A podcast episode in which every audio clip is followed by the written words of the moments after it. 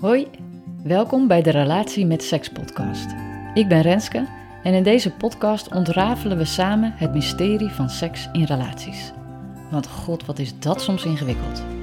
Ik neem je mee in mijn persoonlijke highs en lows, deel mijn kennis en ervaringen als seks- en relatiecoach en praat met andere professionals en ervaringsdeskundigen.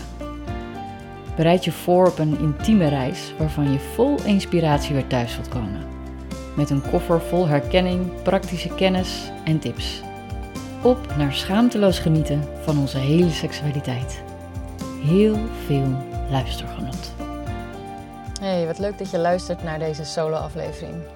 Ik ehm, kom net terug uh, van het gesprek met uh, Inge Visser.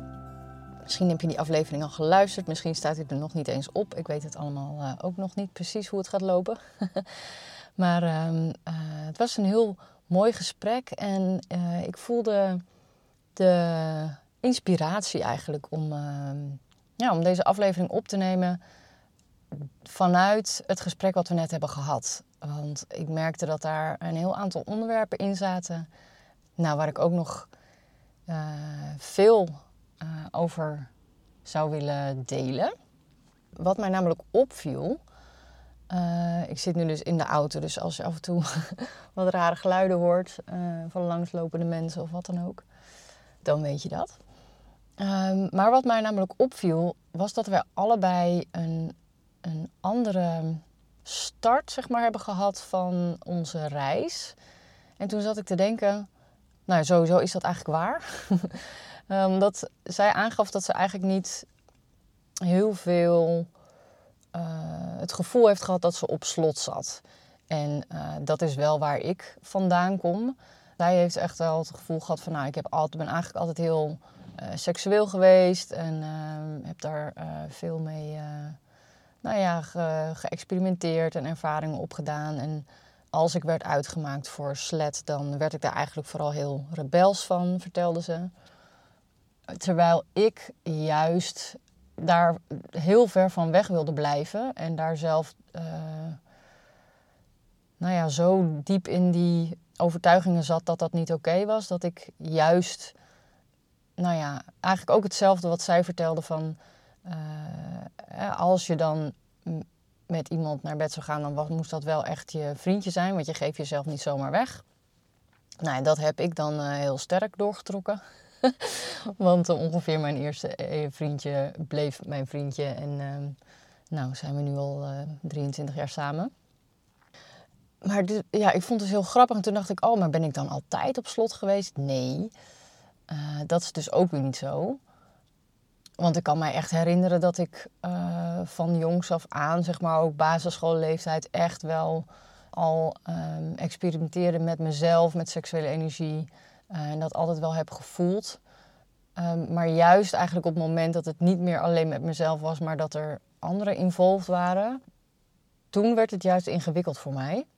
En ik hoorde eigenlijk daar ook juist de vergelijking uh, of de overeenkomsten en dat, dat vond ik eigenlijk interessant, dus daar wilde ik nog even op terugkomen. Dat zij dat zeg maar ook heeft gevoeld van als je, dat ze langer in een relatie zat eh, en dan een moment komt dat het saai wordt um, en dat er vervolgens dan of uh, vreemdgaan in het spel was um, of nou, wat afsluiten of wel een vorm van ja, open relatie, maar dat het nog niet zo nou ja, volwassen was, zeg maar, dat het uh, stand kon houden. Um, dat het meer vanuit een andere energie werd gedaan. En toen dacht ik, eigenlijk ben ik of zijn wij vanuit zo'n moment, het moment dat het uh, moeilijk is hè, qua seksualiteit, zijn wij daar in, daarin gebleven. Dus wij zijn bij elkaar gebleven en hebben daarin heel erg gezocht naar hoe gaan we hiermee om? Wat betekent dit? Um, wat zegt dit over mij? Waar kan ik in ontwikkelen? Hoe kunnen we samen ontwikkelen? Wat kunnen we niet bij elkaar halen? Um, en van daaruit een hele lange reis samengemaakt met te kijken van hoe kunnen wij um, leren eigenlijk binnen onze relatie en hoe kunnen wij seks leren. uh, en dat is natuurlijk op heel veel verschillende niveaus geweest, maar ook, uh, ook echt gevoeld dat wij daarin input van buitenaf nodig hadden. Dus qua uh, open relateren ook. En dat is een enorm onderwerp wat, nou ja, waar veel meer over te zeggen is nog. Ehm, maar ik heb daar eigenlijk nog niet eerder echt over gedeeld. En ik denk ook dat dat was uit een. Ehm, ja, een angst om niet goed begrepen te worden. Omdat het. Ehm, nou, dat is natuurlijk mijn eigen gedachte, uh, altijd. maar waar ik vandaan kom, zeg maar, in de tijd waar, waarin ik uh, opgroeide, was dat echt een no-go. En was dat echt uh, foute boel. En nu hoor je het natuurlijk wel vaker. Um, maar dat is ongetwijfeld ook omdat ik meer in die kringen beweeg.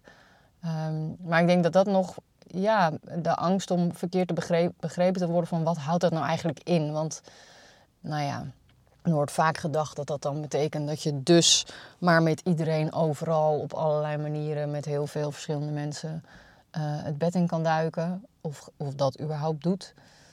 Um, terwijl er zoveel verschillende tinten zijn daarin.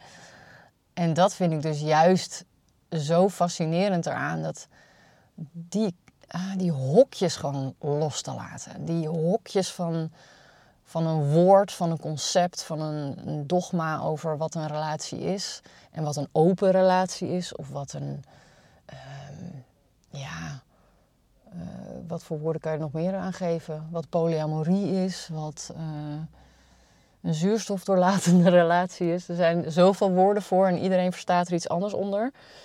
Dus ik kan ook niet zeggen van wij hebben een open relatie. Dat voelt voor mij, uh, dat doet geen recht aan wat het is. Want wat het wel is, is dat wij altijd met elkaar in gesprek blijven over waar ligt uh, onze behoefte Waar ligt onze groei? Waar ligt ons verlangen? Um, en wat is de volgende stap? En dat is niet één bepaalde vorm. Dat kan uh, op heel veel verschillende manieren zijn en elk moment weer anders. Dus, dus eigenlijk gaat voor ons, uh, nou dan noem ik maar even open relateren, uh, gaat voor ons over open communicatie eigenlijk. En ja, en echt kunnen voelen van wat, welke ervaring brengt mij nu, ja, brengt mij nu mijn volgende groei? Of, uh, ja, want dat is het echt. Nou goed, wat ik zei, ik kan hier echt eindeloos over vertellen, omdat het zo breed is en zoveel verschillende aspecten heeft. Maar ik voelde wel dat ik het heel fijn vind om, om er alvast iets over te delen. Dus nou ja, mocht je naar een bepaald aspect nieuwsgierig zijn, laat het me absoluut weten. Dan is het voor mij ook weer makkelijker uh, nou ja, om over te delen, omdat ik dan weet wat er bij, bij jou leeft en wat je nieuwsgierig maakt. Uh, ik moet even mijn parkeerapp aanzetten. even kijken. Maar dat is voor ons dus een hele reis geweest in wat is de motivatie? Wat is je verlangen? Um, wat zou het beste helpen om, om te openen, om meer te leren, te laten gaan? Wat levert dat dan op als je met iemand anders dat zou ervaren? Wat zou je willen ervaren met iemand anders? Um, en willen we dat dan uh, los van elkaar of willen we dat juist samen? En nou ja, die keuzes daarin en die verschillende effecten uh, zijn ook echt fascinerend. Ja, en hoe je, in hoeverre je je eigen pad loopt, in hoeverre je de hele tijd blijft afstemmen, uh, waar je in getriggerd wordt. Oh man, het is zo groot. Er is zoveel uh, in te leren. En het heeft mij enorm geholpen. Het heeft mij, uh, ons ook. Maar wel altijd vanuit vanuit de intentie dat het ons samen verder helpt. Uh, en uiteraard is dat ook als het een van beiden verder helpt, dat het vaak ook effect heeft op de relatie. Maar dat hebben we ook wel echt uitgesproken van, ja, het is niet van, oh, we gaan nu een open relatie hebben. Dus nou ja, ik zie je aan het eind wel ergens. Uh, en dan kijken we wel uh, hoe we het weer oplappen. maar echt iedere keer stapje voor stapje. Oké, dit is nu de eerstvolgende actie.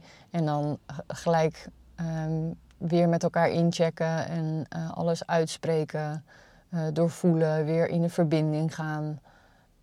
Nou ja, ook de positieve dingen samen uit te leven en te doorleven. en daarvan te genieten. Um, en dan weer te kijken van en, en, en wat nu? En, en, dat kon net zo goed zijn dat wij weer besloten van nou, nu is het wel even genoeg. Uh, we hebben weer genoeg ja, meegemaakt of nieuwe input. We sluiten de boel weer een beetje. Hè? Dus, dus totdat er, het dan weer voelt van nou, uh, er mag wel weer extra uh, show in. Of ik zou dit willen ervaren en dat is uh, lastig met elkaar. Of um, eerst uh, samen en dan uh, los van elkaar. Nou ja, allerlei verschillende vormen en opties. Ja, maar de basis is, is altijd dat we er samen uh, beter van worden. En dat hebben we altijd in ons hoofd gehouden. En ik zeg dus ook niet dat het, eigenlijk net als wat Inge aanhaalt in ons gesprek, het is niet dat ik zeg van hè, iedereen moet in een langere relatie uiteindelijk uh, kiezen voor een andere relatievorm dan strikte monogamie. Omdat je daar wel, nou ja, het moet passen binnen de fase en de, de, de cyclus waar je in zit.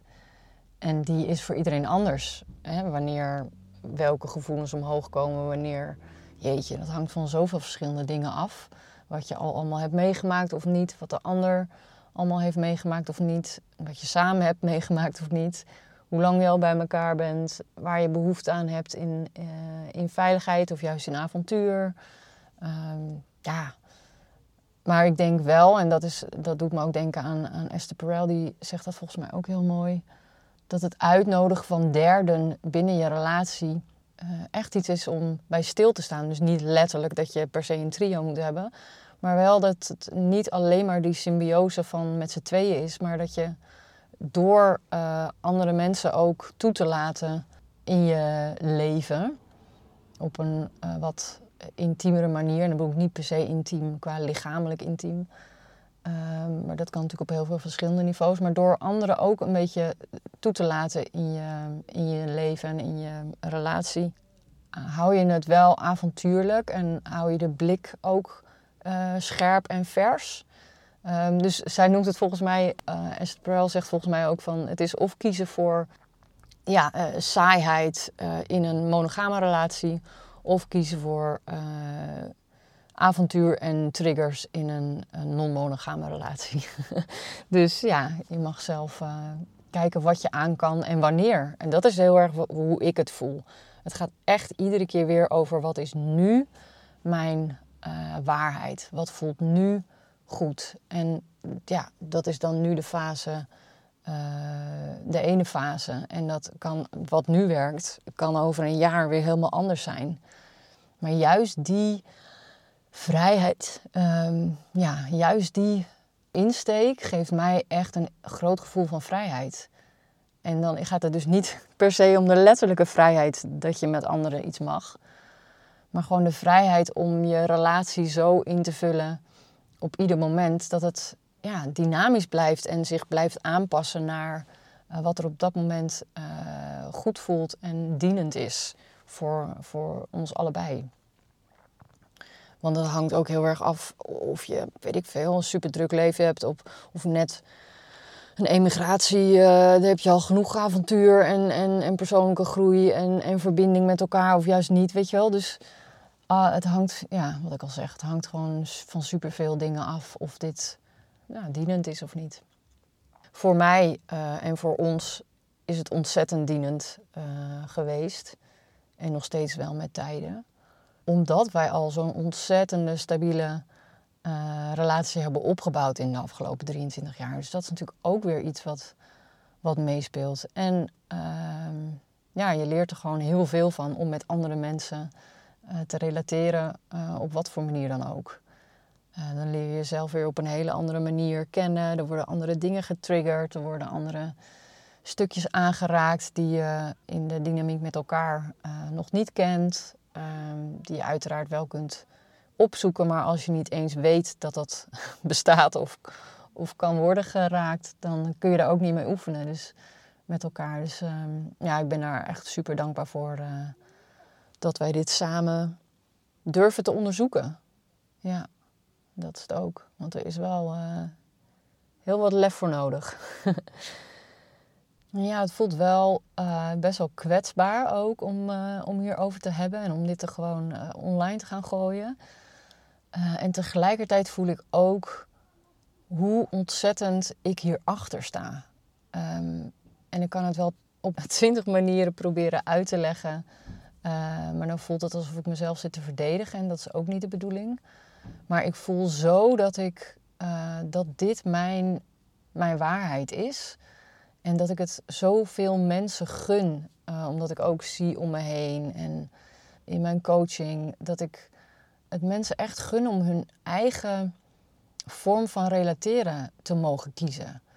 Dus echt naar je eigen verlangen te kunnen gaan uh, en te mogen experimenteren, op je bek te mogen gaan, te mogen leren.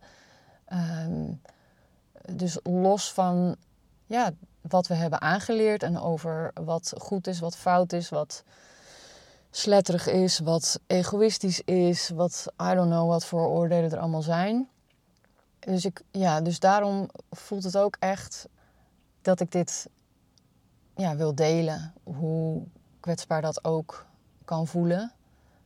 Omdat ik tegelijkertijd ook voel hoe krachtig ik hierin ben. Dat als mensen mij echt willen begrijpen, dan, kan, dan vind ik dat heerlijk om, daar, uh, om dat uit te leggen hoe wij dat zien. En ik kan me best voorstellen dat ik nu uh, lang niet ja, alles heb besproken of getackeld of weet ik veel. Uh, maar dan hoor ik dat graag.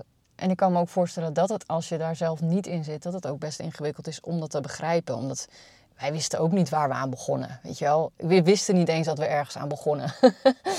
weet je? Je, je, je zet ergens een stap en, uh, en dan de volgende en dan de volgende.